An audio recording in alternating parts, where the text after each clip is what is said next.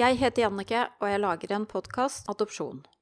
Jeg er selv adoptivmamma og har i løpet av årene lest mange fine og gripende historier om adopsjon. Jeg hadde lyst til å samle mange av disse historiene i en podkast og gi historien en stemme.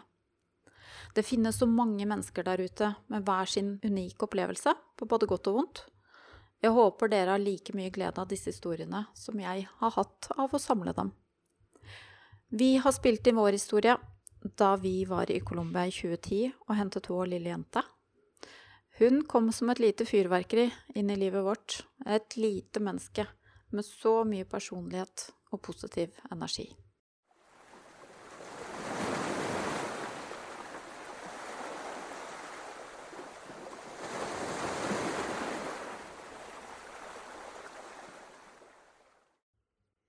Hei, Anna Sofia. Hei. Nå lager vi en podkast. Ja. Ja, vet du hva det er? Nei, Nei. det gjør jeg ikke. Fordi jeg kommer hjem eh, fra vennen min eh, Maria. Vi skal lage en podkast som handler om eh, Colombia, og når vi var og hentet deg.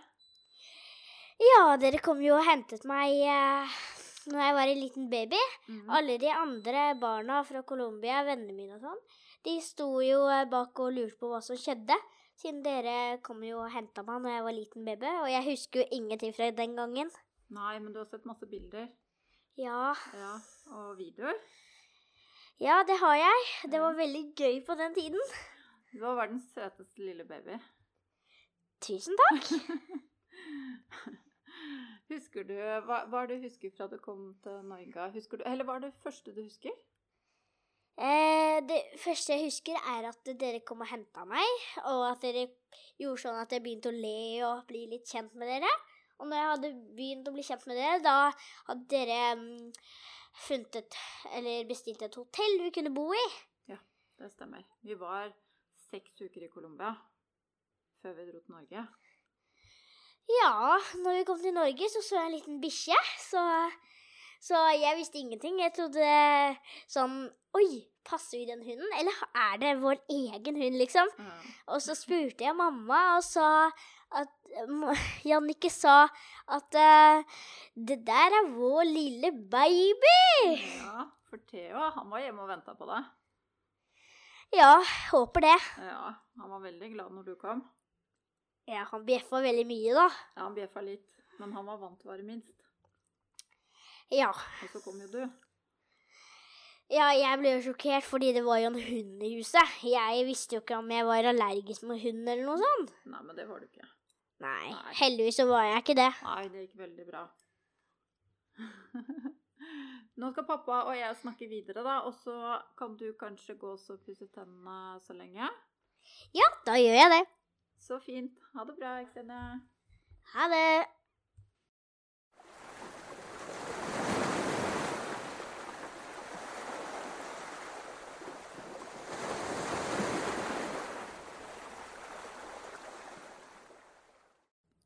Det var jo en stor overraskelse for meg når du ved frokostbordet i Kristiansand i 2004 sa at eh, jeg har lyst til at vi skal adoptere. Det var jo ikke i mine tanker i det hele tatt. Vi var på en måte litt eh, ferdig med barn. Så det var jo en overraskelse, men jeg, skjønte jo at dette er kanskje noe du har tenkt på lenge, Annike. Jeg har nok tenkt tanken uh, fra jeg var ganske ung, at jeg en dag hadde hatt lyst til å adoptere hvis jeg hadde muligheten til det. Um, at det skjedde akkurat i 2004, det er vel kanskje fordi det var en tanke som hadde modna. Uh, gutta Ja, Leander var blitt fire, og Daniel var blitt ti. Uh, hvis vi først skulle gjøre det, så var det kanskje tida å gjøre det da. Men eh, du sa tenkt på det siden du var ganske ung. Eh, Hva er grunnen, egentlig? Nei, jeg vet ikke, men jeg, jeg føler jo på mange måter at jeg har tenkt at uh, om ikke jeg kunne få egne barn, så hadde jeg villet adoptert. Kanskje ikke på bekostning av å få, men uh, hvis jeg hadde muligheten en dag. I tillegg til? I tillegg til, Ja. eller bare. Ja, for det, ordet adopsjon for meg var jo ikke så positivt, i og med at jeg hadde en far som jeg fikk vite at var adoptert, og en bestefar etter at de var døde. Så det var liksom min assosiasjon til det. Men eh, når du innførte meg tanken og hvordan eh, prosessen var, og ikke minst eh, når vi begynte å ha møte da med Marit i Kristiansand fra barnevernet, så alt fra det den gang så har jo det vært en positiv prosess. Og du involverte jo gutta med en eneste gang, men Og det var jo riktig. Men de trodde kanskje at det skulle ta litt kortere tid. To-tre år. Ja, vi hadde jo forespeiling på kanskje maks tre år. Eh, For oss tok det seks år. Eh, Så det er klart det når man er fire og ti den gangen, så var jo seks år veldig lenge. Ja, og vi seks år, altså det var vel Jeg trodde at det var godkjent for fem, fem og et halvt år eller sånn gjennom barnevernet, og vi var vel på tur med familien i, i USA når vi fikk eh, beskjed om at vi var tildelt eh, Området. området i Colombia. Eh, og vi dro hjem derfra. Da, hvor lenge var vi hjemme? Par? Ja, To-tre uker, tror jeg. Ja, så vi var mye i orden da. Mm.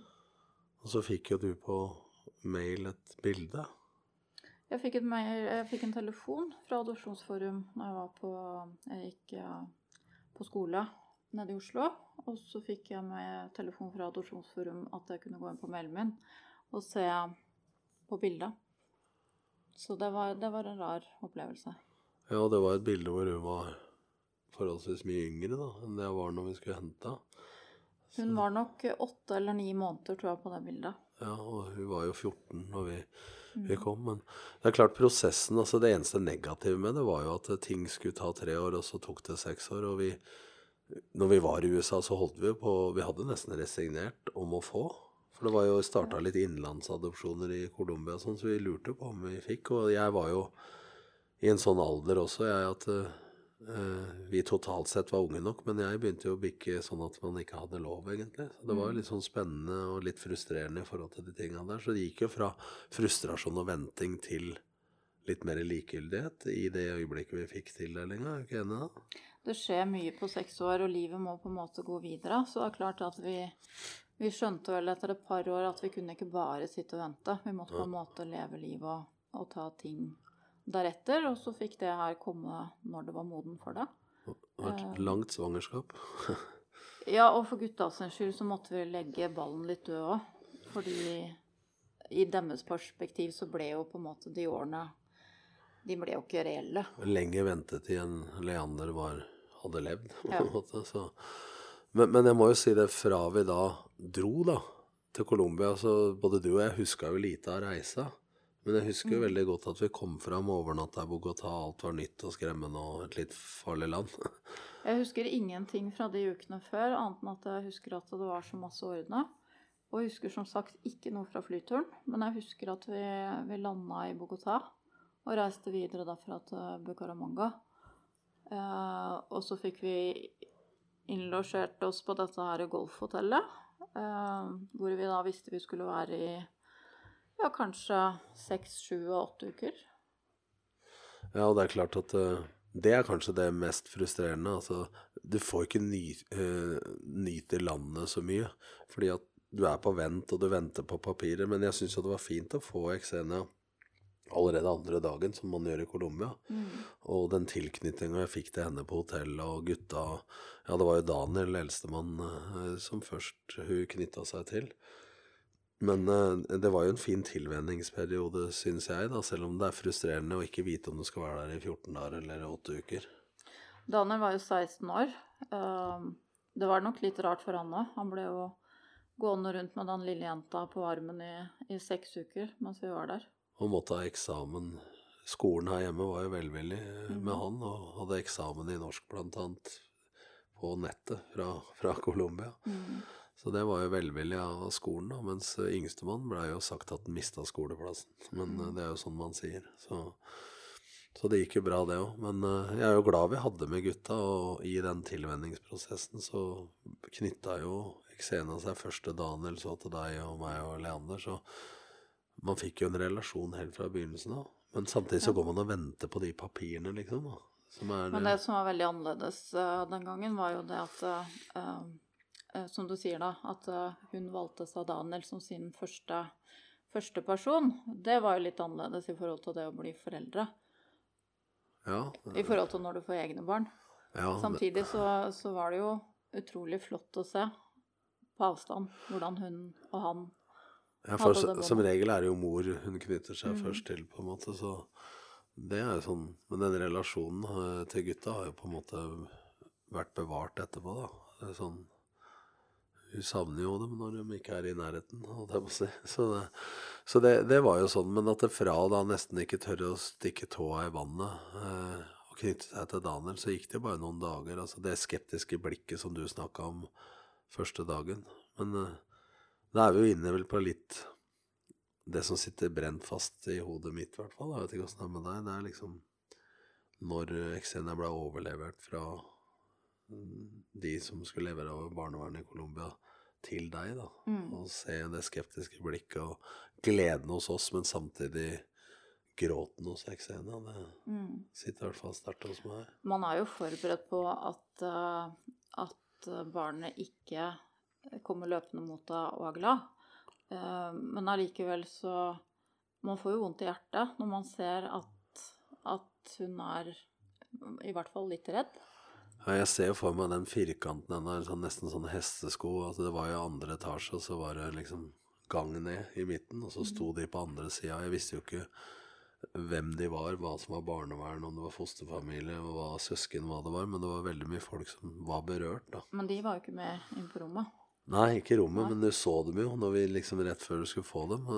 Da begynner man å lure på hvem det er. Men på rommet var det jo en fra barnevernet som overleverte til deg. Og jeg husker at det var tøft å stå og filme det, men det var mye følelser. Altså Mm. glede, samtidig opprivende å se at hun ble levert litt anførselstegn mot sin vilje, da. Samtidig så tror jeg det var veldig ålreit at gutta var med, for vi hadde jo med litt leker og litt såpebobler og Jeg tror det tok litt av den her verste eh, Hun hadde jo akkurat våkna, så hun var litt sånn fortumla og skeptisk og visste ikke helt hva som skjedde. Men det er klart, når de begynte å leke med oss, så roa det seg. Ja. Eh, og det tok jo ikke da så veldig lang tid før vi kunne løfte opp og Nei, da klamra jeg seg til. Men samtidig så var jeg litt skeptisk igjen, husker jeg, når vi Mm. satte oss i taxien. mm, og skulle kjøre. Da lurte jeg fælt tror jeg, på lille jenta på hvor hun skulle hen. mm, Så, så det er jo de minnene der. eh, Sånn derre yin og yang, altså motsetningsforhold. Men eh, på det golfhotellet vi bodde og sånn, så blei det jo fine dager med aktivitet og måltider. Men det er sprøtt å plutselig få et barn da som er 13-14 måneder, og så skal du liksom legge barnet, du skal ha mat og måltider og forholde seg til ting. Så det er liksom sånn ganske rask overgang, Mm. selv om det har vært gjennom det med egne barn før. Så, så den prosessen var jo fin, men samtidig så går det å vente på pass og papirer og godkjenninger og intervjuer med barnevernet i Colombia osv. Så, videre, så det blir jo sånn Du er jo litt på vent. Det er man. Jeg husker aller best fra Exena kom inn i rommet, så husker jeg at fosterfamilien hennes hadde pynta med masse perler i hår og Og flytter. Ja. Ja. Nei, det var De hadde pynta. Og de hadde jo prøvd å adoptere innenlands òg, så det var jo ekstra sårt for de. mm. Men det har jo du fått oppleve litt etterpå, egentlig. Ja. Ja, eh, jeg fikk jo alle papirene når vi var der nede. Eh, jeg snakker ikke spansk, men eh, noe kan du gjette deg til, så jeg gikk gjennom alle de medisinske papirene og fant telefonnummeret til fostermor når vi var der nede. Så jeg tok kontakt. Så jeg og Daniel var og besøkte familien, fosterfamilien til Xenia når vi var der nede. En uke etterpå vi hadde fått Xenia, tror jeg. Ja, Daniel er jo eldstemann, mens jeg var jo på hotellet sammen med Xenia og Leander, da, yngste sønn. Og Mm.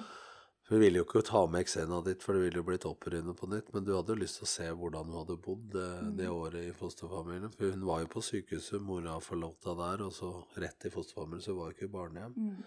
Så hun har jo hatt det veldig bra hos den fosterfamilien. Og det, Ja, og det er som du sier, eh, i og med at de prøvde på en måte Altså, utenlandsadopsjonen var for langt til at de kunne adoptere henne, men de var jo oppriktig glad i henne. ja, Det var jo første fosterbarnet de hadde.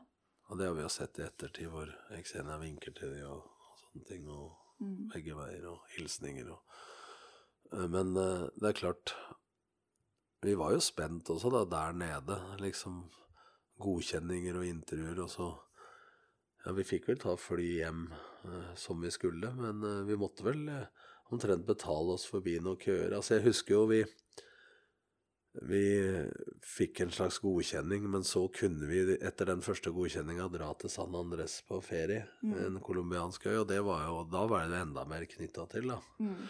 Og det var jo veldig bra, men så fikk vi jo telefon, var det etter, var det etter en og en halv uke cirka, som vi måtte dra, for da fikk vi beskjed at uh, vi måtte komme for å ta med hjem. Men akkurat den ferien vi hadde på San Andres, den var fin. Det tror Ja. jeg alle hadde stor glede av. Ja, både Daniel, Leander og, og vi, jeg vet ikke hvor mye Xenia husker av det, var jo på en måte en enorm fin plass å være. Og så var det litt eh, det, Altså, det var vel kanskje det Selv om ikke det er innlandet i Colombia, så var det i hvert fall det vi fikk oppleve av Colombia den gangen, da. For det er jo en kolo- colombiansk øy. Ja, Eh, Så det var jo der vi hadde ferien og følte oss litt fri og kunne dra på utflukter og ja, så, ta med Xenia på litt sånne vanlige ting. For det er klart, man var jo Det var jo litt restriksjoner i forhold til der vi bodde. Altså, vi bodde jo på et uh, bevokta hotell. ja. Eh, vi dro inn til noen kjøpesenter med jevne mellomrom. Men, du Men ikke aleine? Nei, Nei. man gjorde ikke det. Altså det, det var jo fritt på San Andres i forhold, så det var litt sånn ambivalent å dra derfra, da. Men, men vi ville jo hjem. og vi hadde jo en flybillett eh, Vi hadde jo flybillett hjem, og vi var vel redd for at vi ikke skulle rekke det flyet hjem, egentlig. Så vi, vi måtte jo betale oss forbi noen passkøer og sånne ting. Men det som var litt spesielt, var jo at når vi kom fra San Andres til Bogotá, så blei jo du og Leander eh, og Daniel igjen. Mens jeg tok fly opp til eh, Bucaramanga med Xena, for vi måtte være med for å få de siste papirene. Da måtte vi betale oss forbi køer og alt som var. For det var presidentvalg, PC-er var borte, det var skrivemaskiner. Og det frustrerende var da når vi kom tilbake igjen og får en telefon at det mangla en i i navnet til Xenia fra skrivemaskinen. så det skulle tro det var 1950. Eh, så trodde vi måtte dra opp igjen, men da kom jo han eh, hjelperen Gerardo eh, med flyet med papirene ned. Da. Så vi satt vel ny eh, norsk rekord, tror jeg, i å få begge passa og papirene. Ja, akkurat der, der og da, byråkratiet der, var veldig Sør-Amerika.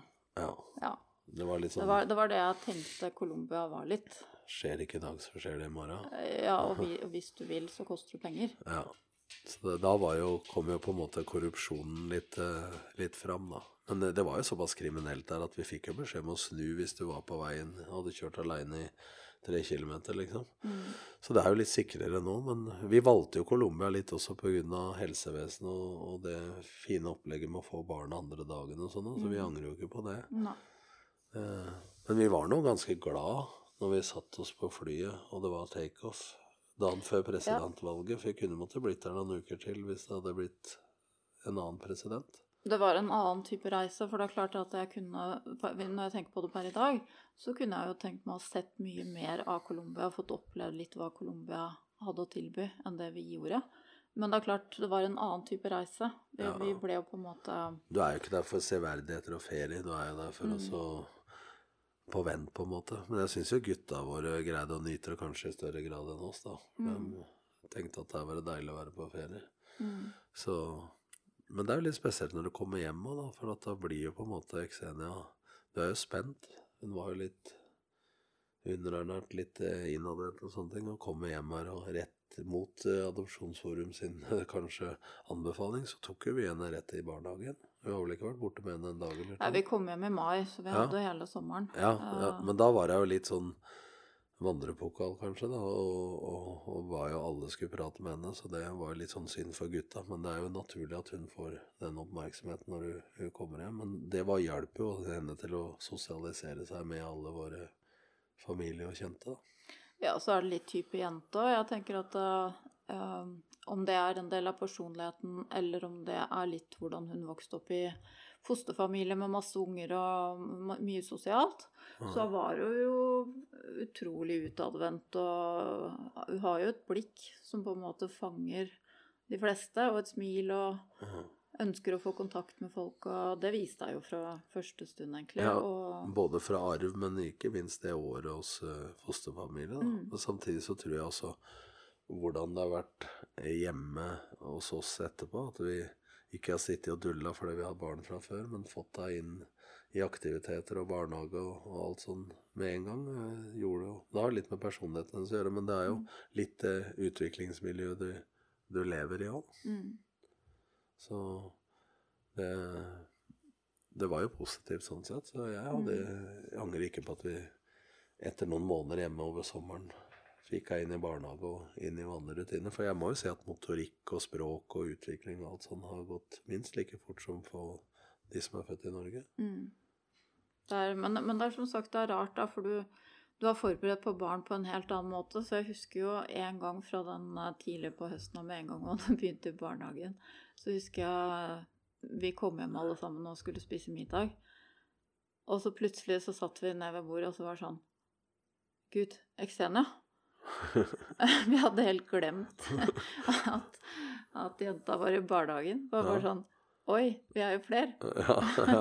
For det var så rart, for da hadde vi hatt hele, helt fra mai og hele sommeren var jo på en måte litt ferie. ja, For vi hadde jo satt av den tida til bare å være sammen med henne. Og så kom hverdagen, og så henting og bringing av unger og sånt noe, og så var det Oi, én igjen i barnehagen. Det var, eh, det var rart. Ja, men eh, jeg må jo si, som, som vi var inne på, at eh, når vi tilvente oss det, så har jo både sosialisering og venner og idrett og alt Vi har jo våre utfordringer som med alle andre barn, men jeg må jo si at jeg syns det har gått veldig bra etter å ha kommet hjem.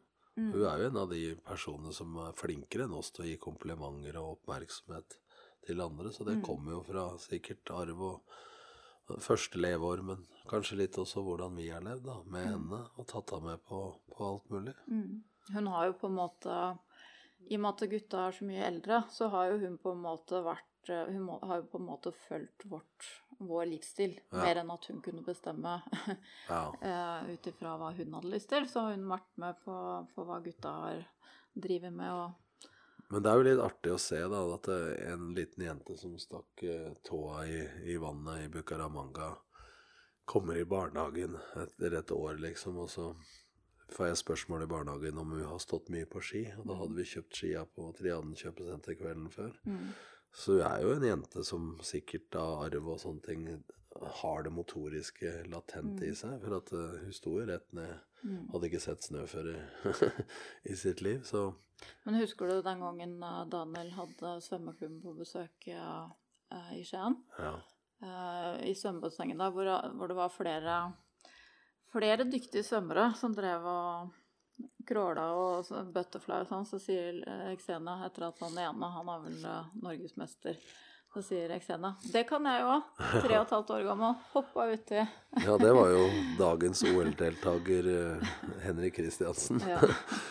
som var på besøk. Og det var ikke noe veien med selvtilliten og, og trua, i hvert fall. Så det har vi prøvd. Men så blir man jo eldre, og så, og så er det klart at uh, hun er jo en type som trenger oppmerksomhet. Positiv oppmerksomhet.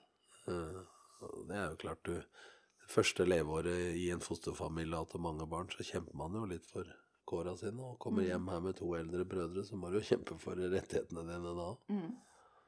Så, Men det er eh, Vi har jo hele tiden vært veldig bevisst på å fortelle Xena om Colombia. Mm. eh, og gjøre det til en sånn positiv greie. Så hun har jo hele tiden vært fortrolig med at hun er fra Colombia.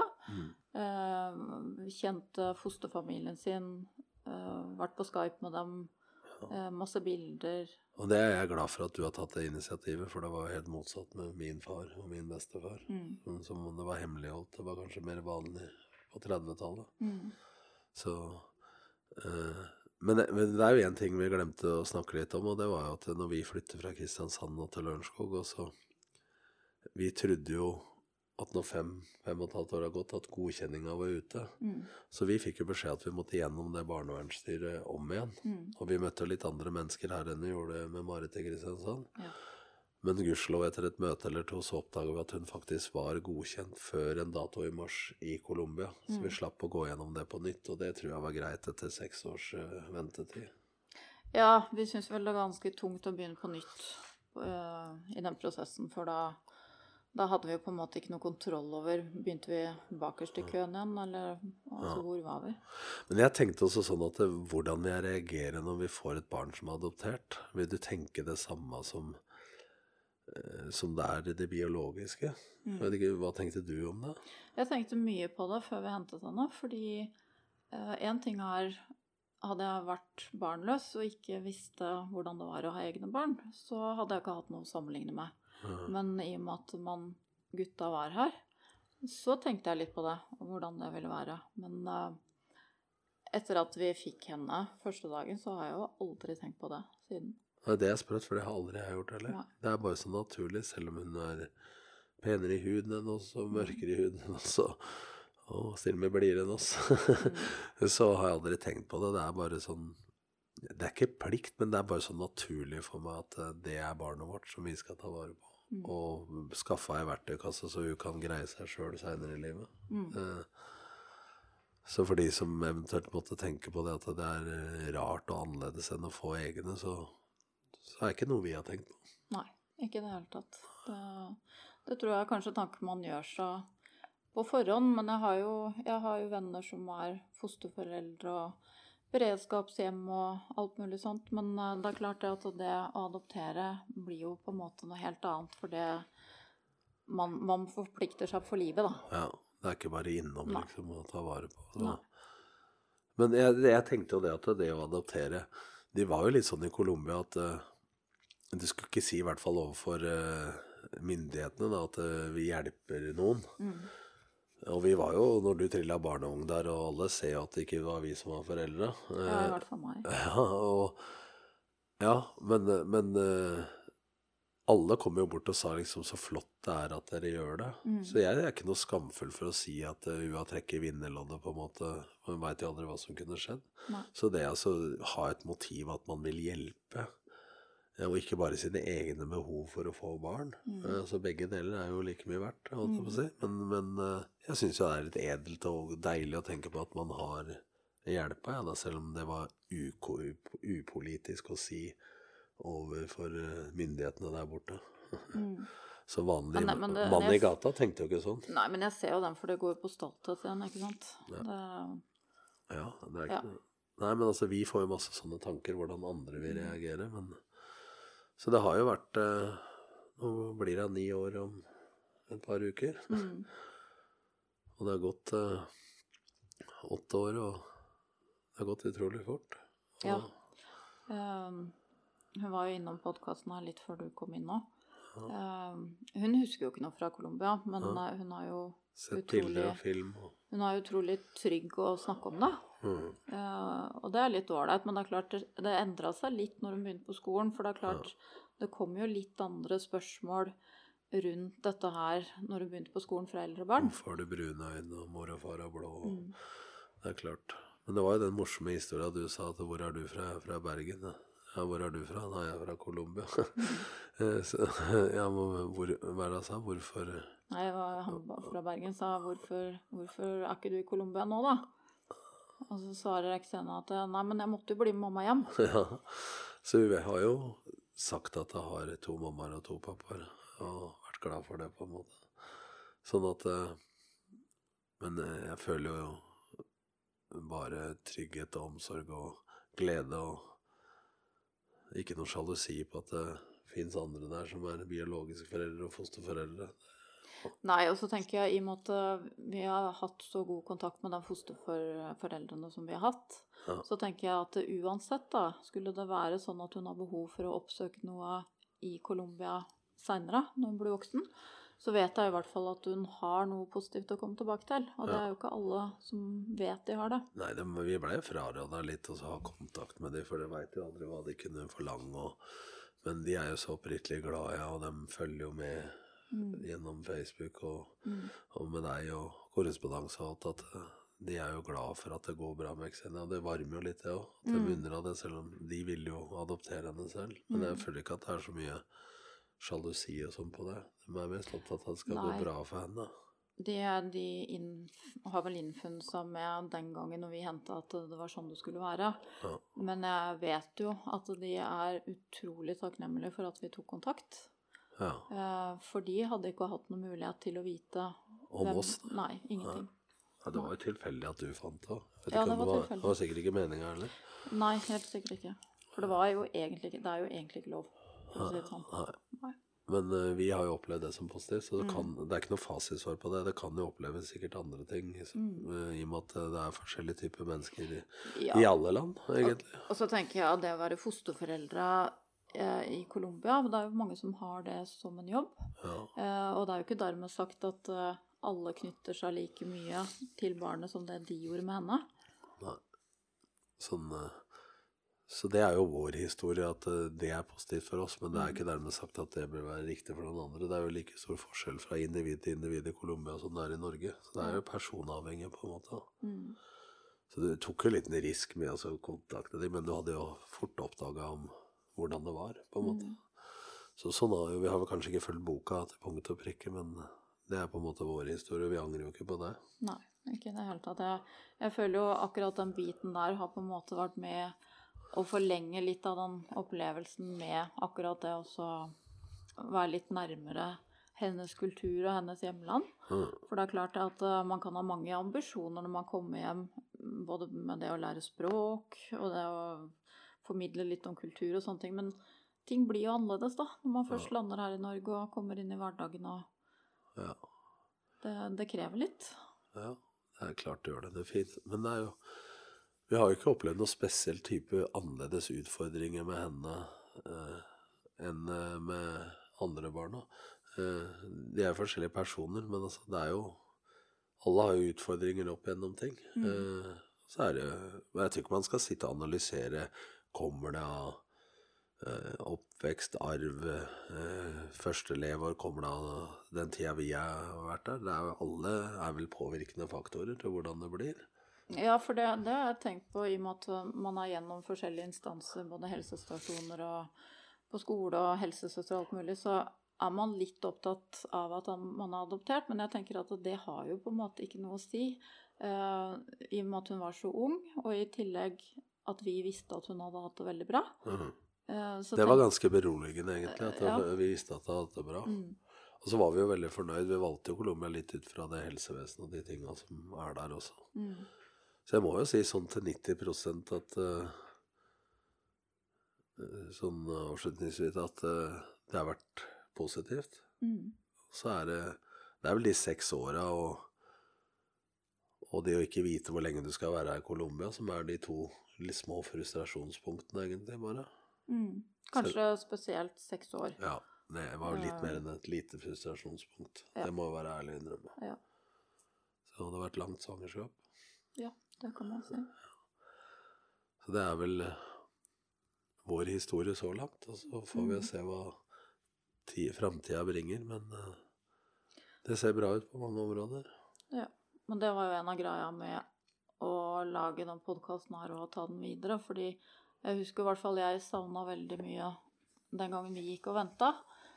Så er man litt sånn sulten på historier og på folk som forteller, og noen tar det åtte måneder, og andre tar det seks år, og jeg vet til og med noen som har venta i tolv år. Så, så det er så forskjellig, men det er klart det også å ha et sånt medium hvor, hvor man kan på en måte dele litt erfaringer og Jeg skulle ønske at, noen, at vi kunne lytte på noe sånt før vi dro. For Mm. du hadde jo tusenvis av spørsmål oppi hodet. mm, Både rasjonelle og irrasjonelle mm, følelser og spørsmål. Så det, mm. hvis det her kan være til hjelp og informasjon for noen, og noen små nyttige tips, eh, så er jo det hyggelig. Mm. Absolutt.